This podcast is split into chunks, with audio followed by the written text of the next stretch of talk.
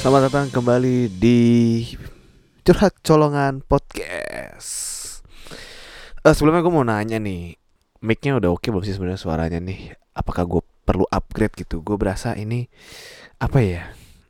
Mungkin gue editnya belum ngerti kali ya. Tapi ini mic yang 300 ribuan ini nih menurut gue agak kurang kurang podcast aja gitu suaranya ya. Kurang tebel, kurang ya kurang solid lah gitu loh. Makanya gue pengen ganti sih sebenarnya pengen beli yang bagusan. Tapi gue masih bingung beli Rode Rode NT1 atau Audio Technica AT 2020 karena itu yang masih budget range budget gue lah gitu. Satu jutaan sampai ya 3 jutaan lah. Tapi ada juga Rode NT1 yang gue lihat yang orang jual 5 juta gitu buset.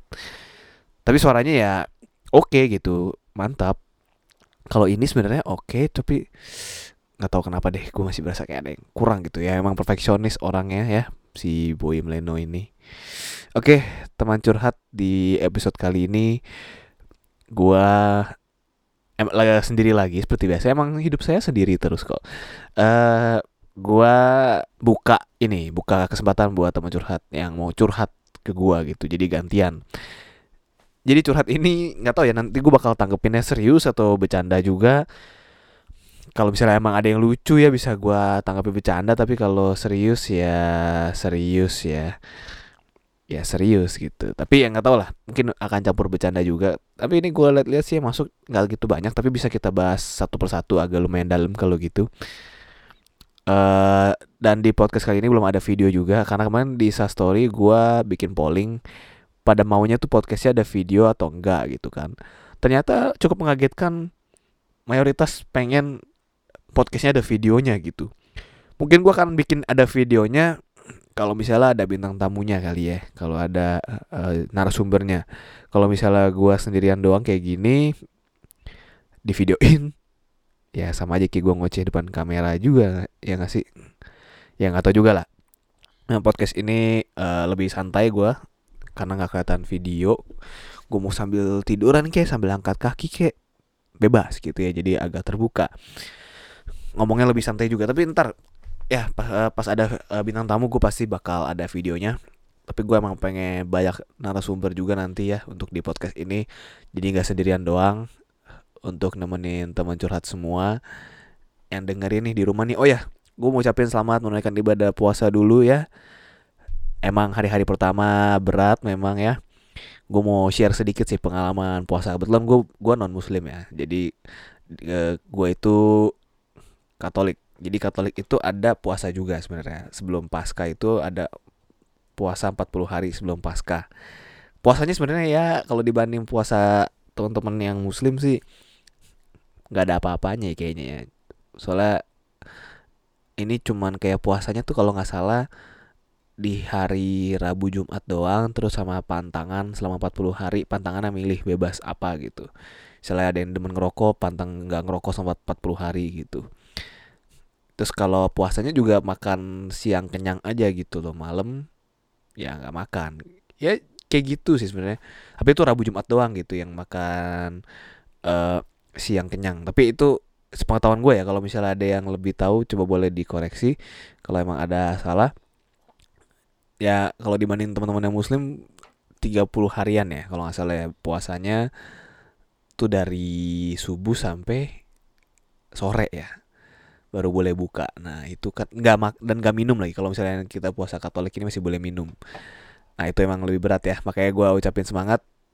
Dan gue aja puasa aja kemarin gagal gitu karena ternyata badan gue gue nggak tahu kenapa apakah mah atau apakah perut gue sensitif kalau nggak makan jadi kemarin gue kayak abis gue puasa gue sakit gitu mencret-mencret segala macem jadi ya semoga tahun depan gue coba lagi ya semoga bisa. Jadi gue ucapin selamat merayakan ibadah puasa semangat dan semoga terus uh, apa nggak ada bolong-bolong lah nggak ada batal-batal sampai akhir sampai lebaran nanti. Oke jadi gitu. Nah sekarang kita langsung lihat kali ya. Uh, yang masuk curhatan yang masuk di Instagram gua nih. Hmm, ya gue buka gue buka di Instagram ininya uh, curhatan ya makanya follow gue di Instagram di @boymleno ayo kita mulai. Ini sepertinya ada yang lucu ada beberapa yang lucu juga sih gue juga nggak tahu nih. Yang masuk sih dikit sebenarnya nggak nggak banyak gitu. Karena juga baru seribuan orang yang lihat. Eh uh, gue bacain dari atas eh dari bawah kali ya dari yang pertama. Jadi ada dari Ed Gilang Fabian. Dia curhat. Tapi ini pada curhatnya dikit-dikit sih. Ada yang panjang gue bilang kalau kepanjangan silahkan di DM aja. Nanti akan gue cek DM juga. Ini gue pakai stiker questions itu. Bang bagusnya diapain ya? Cewek yang suka PHP soalnya abis kena PHP PHPin balik. Enggak enggak. Jadi cewek yang suka PHP Anda kena PHP gitu ya PHP itu banyak jenisnya. Ada PHP emang karena ceweknya mungkin kelihatan mau sama lu. Kan kita tahu ya gelagat-gelagat ya kalau cewek kayaknya oh mau sama gue nih ya udah gue deketin atau gimana atau gue seriusin gitu. Tapi ternyata dia tidak mau sama lu gitu ya. Taunya dia misalnya sama cowok lain atau dia bilang ternyata eh cuma teman atau lu dianggap kayak kakak sendiri gitu. Ya itu agak anjing sih sebenarnya. Ya PHP yang ini kelihatan kadar maunya juga kelihatan banget misalnya gitu ya.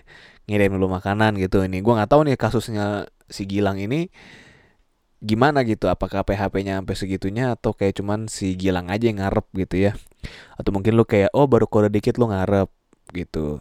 Tahunya ternyata ceweknya emang nggak ada apa-apa lu nya udah ngarep duluan gitu. Makanya lu berasa di PHP in ada juga yang kayak gitu tapi gua nggak tahu nih kalau kasus PHP itu agak blur. Soalnya ada dua sisi ya ada yang ceweknya mungkin nggak nggak nggak suka sebenarnya cuman kayak ada hal-hal kecil yang cowok itu ang oh ada gestur-gestur kecil yang cowok itu anggap itu gestur yang lebih dari temen gitu loh. Jadi cowoknya berharap ada yang kayak gitu. Ada juga yang cewek emang secara kelihatan nih kayaknya kok dia obvious banget mau sama nih cowok tapi pas di ini tembak atau gimana nggak mau gitu ya. Itu ada juga yang kayak gitu kalau misalnya kena kasus yang kayak gitu ya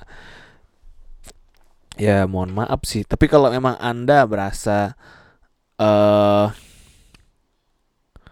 misalnya anda berasa memang orang itu yang yang uh, si pelaku PHP ini adalah orang yang memang anda sungguh-sungguh mau ya diusahain sih kalau gue bilang ya. Kalau misalnya lu cuman kayak oh gue kena PHP nih tapi ya udahlah masih bisa masih bisa ada cewek lain atau lu nggak terlalu mau banget sama dia sejujurnya dalam hati lu ya it's okay tinggal aja. Kalau gue sih gitu. Kalau untuk sekarang ya kalau dulu sih gue kena PHP pernah ya.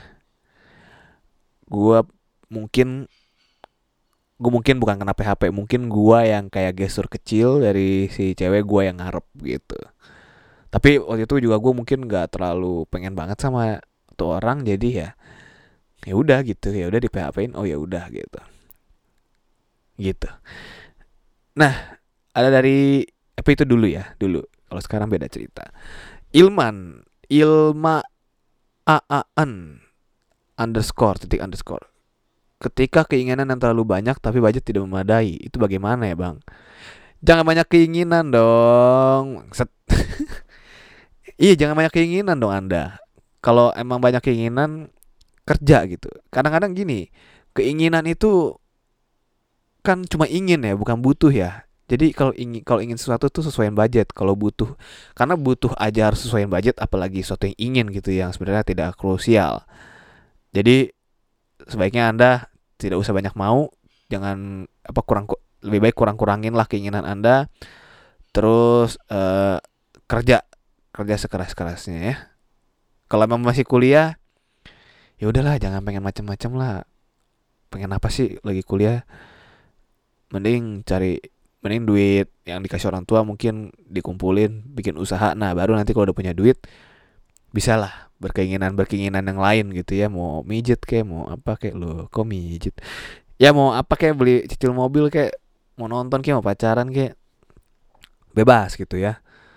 Nah ada dari Eja Satria aduh batuk keselak how to get rid of other people's point of view uh, tanda kurung judgment quote, uh, bukan quote unquote nih apa bracket that usually slowing our quote unquote progress.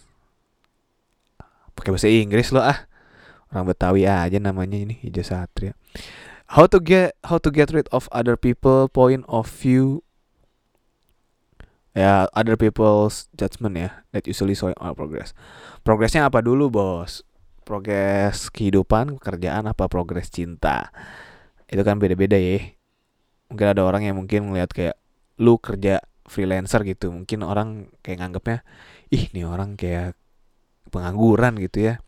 Akhirnya lu karena lu merasa diomongin kayak gitu terus tertekan, akhirnya lu nyerah dengan freelancer, lu kerja cari kerja maksudnya dalam meninggalkan progres lu jadi freelancer. Kan bisa juga. Makanya ini banyak yang kurang spesifik nih. Kalau curhat curhat tuh spesifik. Jadi saya tidak menerka-nerka gitu. Ya udah ya Eja Satria mungkin itu jawaban saya. How to get rid of other people judgment ya intinya cuekin aja. Sebenarnya emang cuekin tuh agak berat ya. Apalagi kita apalagi an, misalnya anda orang tipe yang baper gitu. Kalau diomongin dikit masuk hati gitu ya. Ya emang harus belajar belajar cuek gitu ya kayak ya udahlah ya udah gitu nggak peduli gitu.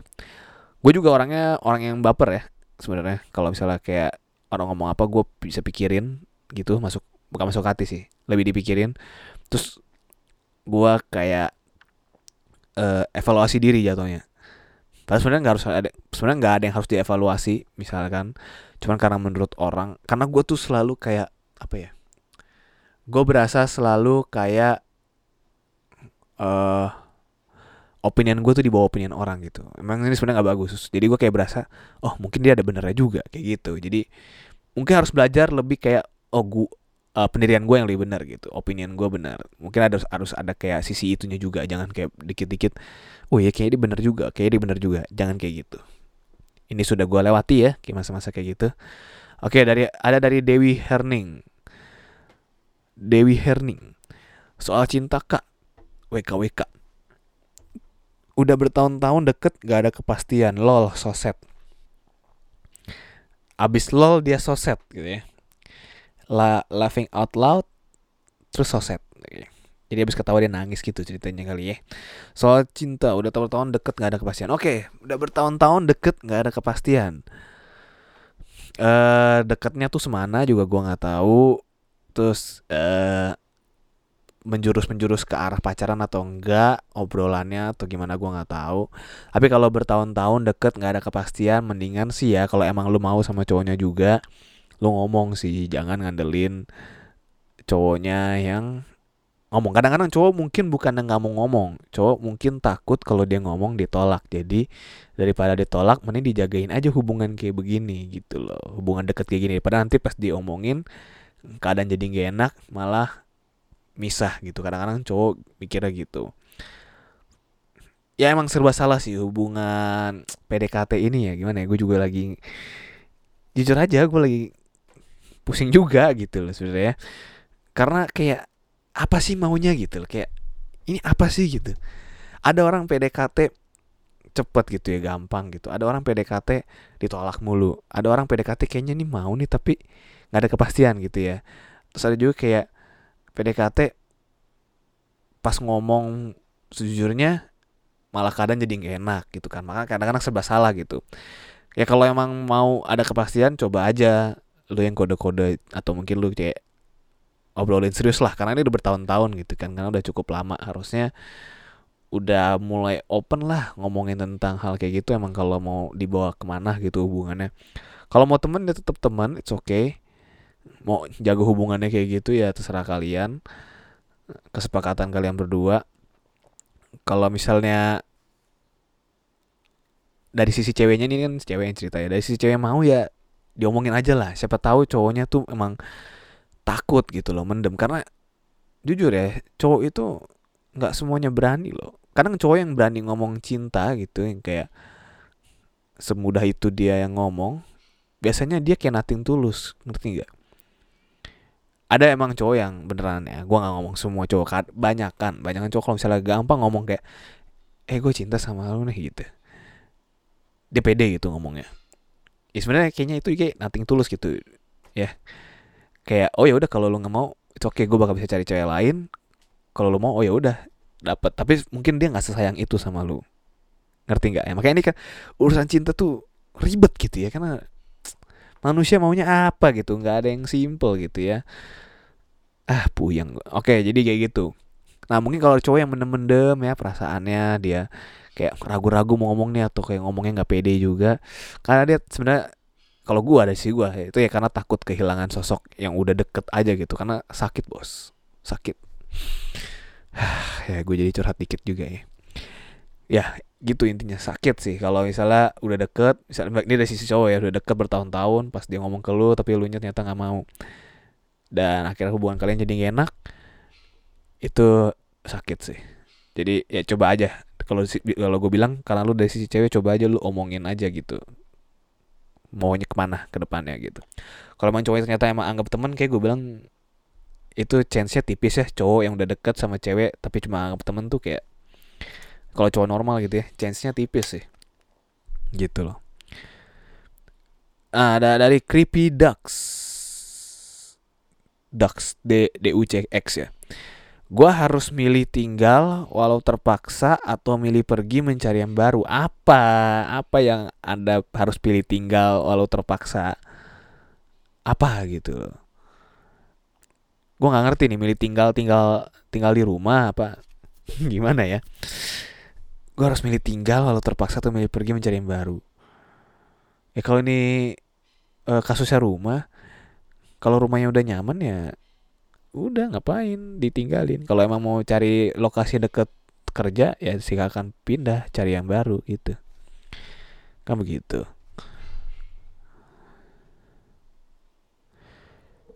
Dari Iqbal Zakaria underscore Gua udah 20 tahun Tapi nggak ada hasrat pengen pacaran. Temen gue bilang katanya gue nggak normal. Oke ini menarik. Jadi dia udah umur 20 tahun tapi nggak punya hasrat pengen pacaran.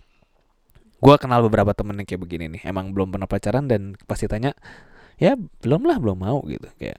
You ada emang orang kayak gitu yang kayak ya udah pacaran is not a big deal sendiri mungkin lebih oke okay, gitu ya. Ada orang yang kayak gitu. Kalau gua sih better punya pacar kalau gua.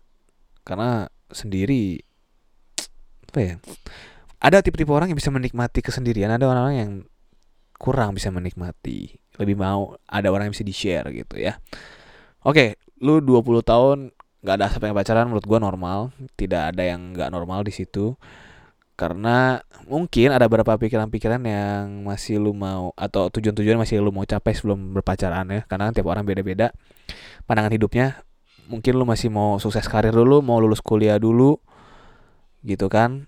Atau lu mau nyanyiin orang tua dulu baru lu mau pacaran oke okay. tapi kalau lu nggak ada hasrat pacaran juga nggak apa-apa gitu. Mau jomblo seumur hidup ya it's okay juga gitu. Kenapa gitu? Karena kan yang jalanin itu lu gitu lu mau sendirian ya lu yang jalanin. Lu punya pasangan lu yang jalanin gitu kalau menurut gua. Gitu sih nggak ada yang nggak normal sih sebenarnya. Oke oke aja gitu. Tapi kalau emang suatu saat pengen punya pacar udah berasa waktu yang tepat ya nggak masalah gitu. Gitu sih kalau dari gua ya. Oke selanjutnya dari at sangke.id Bang, saya punya dagangan baju dan itu sudah agak lama lah, tapi barangnya nggak pernah laku. Aduh, kasihan nih. Ini sih bukan curhatan Anda doang ini, ini curhatan pedagang kaki lima juga mungkin ada yang begini curhatnya nih ya gimana ya saya juga punya jualan gitu kan kalau nggak laku emang stres gitu tapi ya mungkin coba perbaiki produk anda kali bajunya mungkin bajunya gambarnya mungkin desainnya dibagusin gitu ya. Saya nggak punya jawaban untuk untuk curhatan ini. Saya cuma punya respon kayak begini doang. Ya udah kalau gitu nih yang buat dengerin podcastnya coba dicek sanke.id itu ya. Siapa tahu mungkin ada yang berminat. Siapa tahu ada yang berminat ya. Silakan dicek tuh sanke.id oke. Ada dari Fat Jihan makin dewasa kok makin bingung apa sih sebenarnya tujuan hidup gua tuh. Bentar. Aduh. Makin dewasa makin bingung ya? Bukan anda saja kok. Saya juga begitu. Memang makin dewasa makin bingung ya kita makin ngelihat dunia luar makin tahu plus minusnya jadi makin bingung mau ambil jalur hidup yang mana. Kalau dulu misalnya pas masih, masih sekolah gitu kayak gampang lah ya. Mau mau pilih pekerjaan apa cita-cita apa itu kayak ya udahlah gue mau itu gitu. Karena kita belum tahu jelek-jeleknya tai-tainya gitu. Kita berani memutuskan. Kalau udah lulus kayak gitu kalau misalnya udah kayak makin tua gitu makin ngerti makin tahu susahnya hidup makin kayak aduh mau ngapain ya bingung gitu. Emang sebenarnya uh, banyak yang kayak gitu kok. Salah satu titik dalam hidup lah bingung itu tuh ya kalau, saran gue sih jangan terlalu dipikirin uh, sambil kerjain yang ada sekarang sambil kayak nanti tuh pasti ada aja kesempatan buat kesempatan yang makin memperjelas tujuan hidup kalian gitu. Jadi gitu. Oke? Okay? oke okay, dari Jun XOO XOOO setiap ketemu orang yang disuka selalu pengen lebih dekat tapi ujung-ujungnya selalu sama ujungnya selalu sama apa nih? Kalau dari emote sih sedih ya. Kayaknya ujungnya sama tuh selalu pisah ya. Bukan ujungnya selalu uh, bukan ujungnya sama selalu jadi ya. Setiap ketemu orang yang disuka selalu pengen lebih dekat. Gue juga begitu. Pasti pengen lebih dekat. Tapi ujungnya emang selalu gagal ya. Memang ya. Gue bisa prediksi anda mungkin orang yang nice guy. Karena anda selalu gagal. Seperti saya. Saya, saya selalu gagal. Karena kita tidak ada maksud untuk nyakitin cewek. Malah kita yang uh, nggak bisa dapetin cewek gitu ya. Karena gini sih intinya sebenarnya nice guy nggak tahu triknya aja gitu.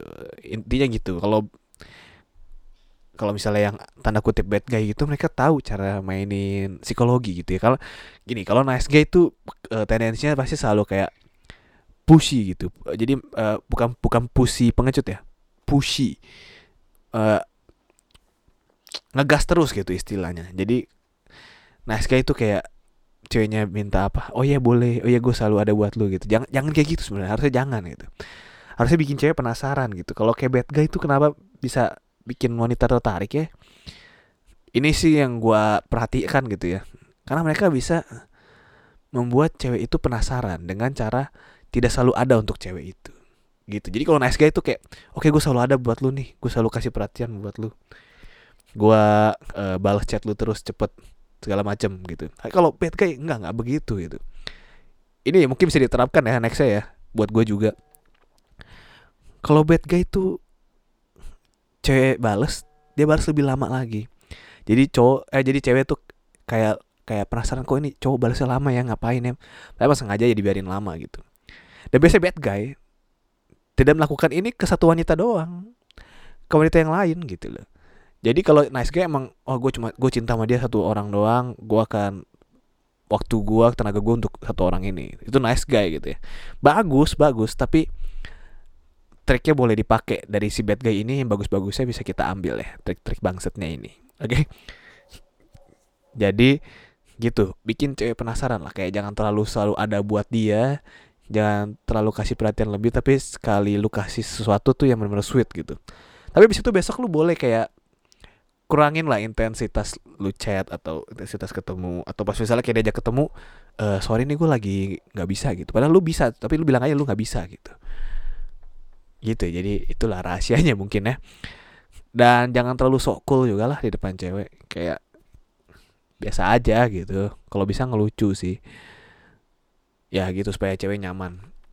Kalau cewek udah ketawa biasanya mereka maksudnya cewek udah ketawa sama lu biasanya mereka akan nyaman dan nyariin sih tapi jangan berlebihan. Pokoknya lu tahu jarak walaupun lu pengen lu walaupun kangen banget ya pengen banget ngobrol uh, kasih batas gitu. Sampai benar-benar lu yakin nih cewek mau sama lu bolehlah kita baru mulai intensitasnya dinaikin gitu.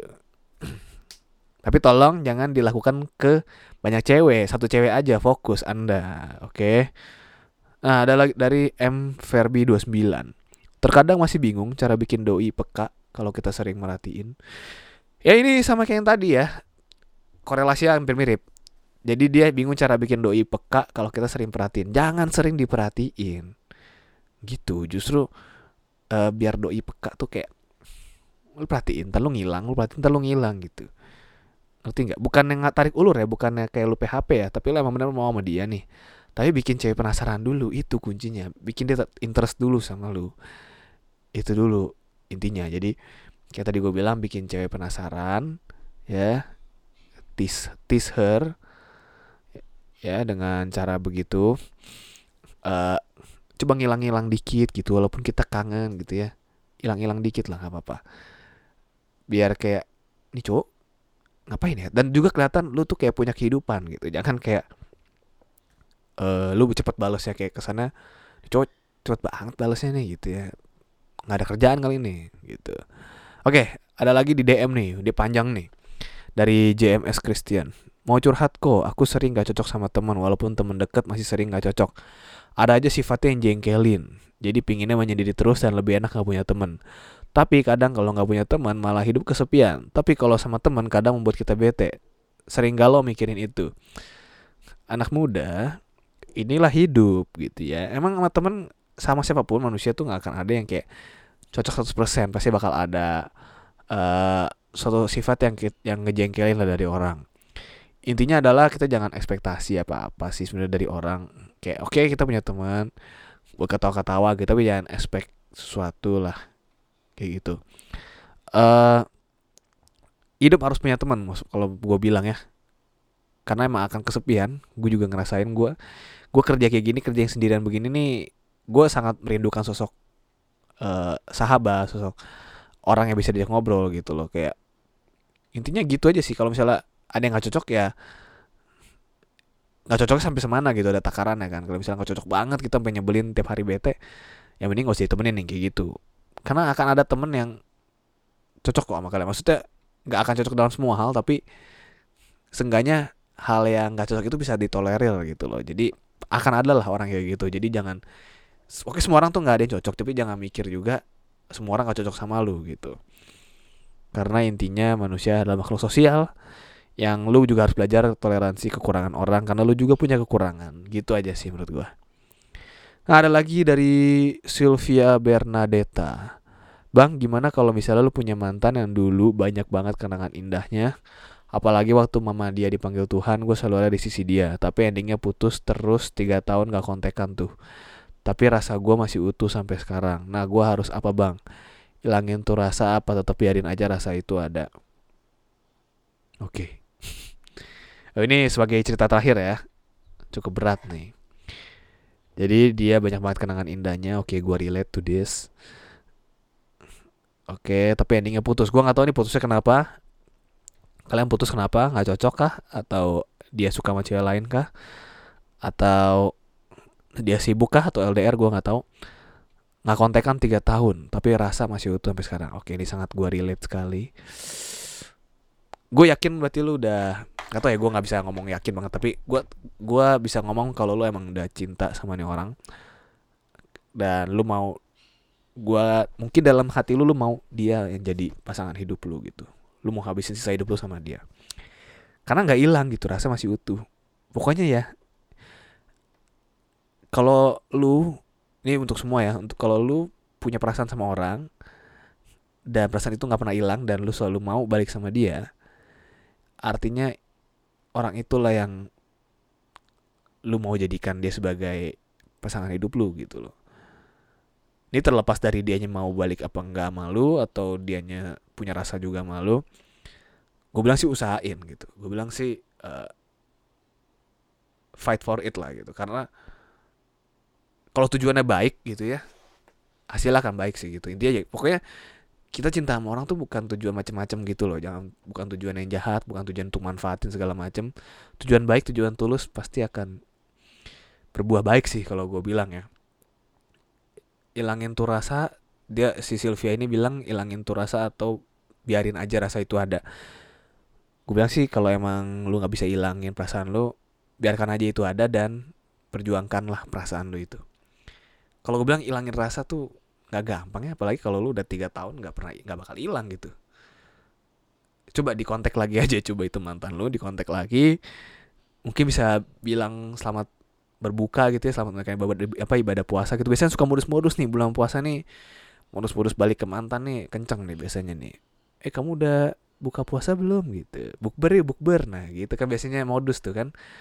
Ya kayak gitu seperti gue bilang kalau misalnya emang lu punya perasaan sama orang dan seperti tidak seperti tidak bisa hilang dan kenangan-kenangan manis itu selalu ada ya yeah, maybe he or she is the one gitu. Gitu aja.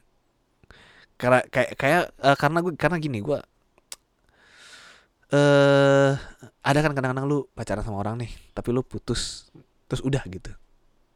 Lu nggak pengen balik nggak kangen nggak apa ya udah gitu hidup masing-masing dan dan nggak ada yang ngeganjel sama sekali gitu. Ya itu mungkin lu ya itu cuma sekedar lewat aja lah. Lu nggak nggak berasa kayak oh dia gue pengen banget sama lu. Lu nggak berasa pengen dia jadi orangnya gitu. Karena ini untuk mencari the gue pikir tolak kalau menurut gue tolak ukurnya sih itu. Karena kan untuk seumur hidup ya ketika lu kayak berasa oh gue kayaknya sama dia deh gitu karena ada biasanya kalau kalau gue dengar cerita-cerita orang yang nikah gitu ya nggak semua ya tapi ada beberapa yang kayak udah putus tapi balik lagi putus tapi balik lagi gitu. Karena nggak bisa sama orang lain bisa sama dia doang gitu. Ada yang kayak gitu. Dan akhirnya mereka nikah gitu. Ya menurut gue itu sih. Kayak lu udah coba sama orang lain tapi nggak bisa dan selalu sama orang itu yang lu mau ya maybe he or she is the one gitu dan ini sih yang gue juga lagi rasain sekarang. Coba gue nggak mau cerita lengkap. Tidak tidak tidak. Kalau masalah cinta mungkin gue curhatnya tidak eksplisit ya. Tidak mau oke? Okay? kalau gitu segitu kayaknya untuk curhat colongan kali ini. Thank you banget teman-teman curhat yang mau curhat kali ini. Uh, curhatnya nggak harus serius loh. Boleh yang komedi-komedi juga bercanda-bercanda juga ya. Nanti gue buka lagi sesi open curhat di Instagram. Atau misalnya mau langsung DM aja nggak apa-apa nggak usah tunggu gue buka sesi open curhat di Instagram gue di @boymleno ya. Silakan di follow dan jangan lupa untuk follow uh, subscribe juga channel YouTube gue di Boymleno ya karena ada konten-konten review-review sneakers uh, baju brand lokal sama Transformers mainan ya. Oke kalau gitu segitu aja ya untuk podcast kali ini. Udah cukup panjang kayaknya. Uh, kalau misalnya emang ada request mau undang narasumber siapa boleh juga di DM ke gua gitu karena ini Anchor atau uh, Spotify sama Apple Podcast ke lain-lainnya kayak nggak bisa komen gitu ya. Jadi silakan di Instagram aja nggak apa kita komunikasinya. Kalau gitu see you on the next podcast. My name is Boy Mleno signing off.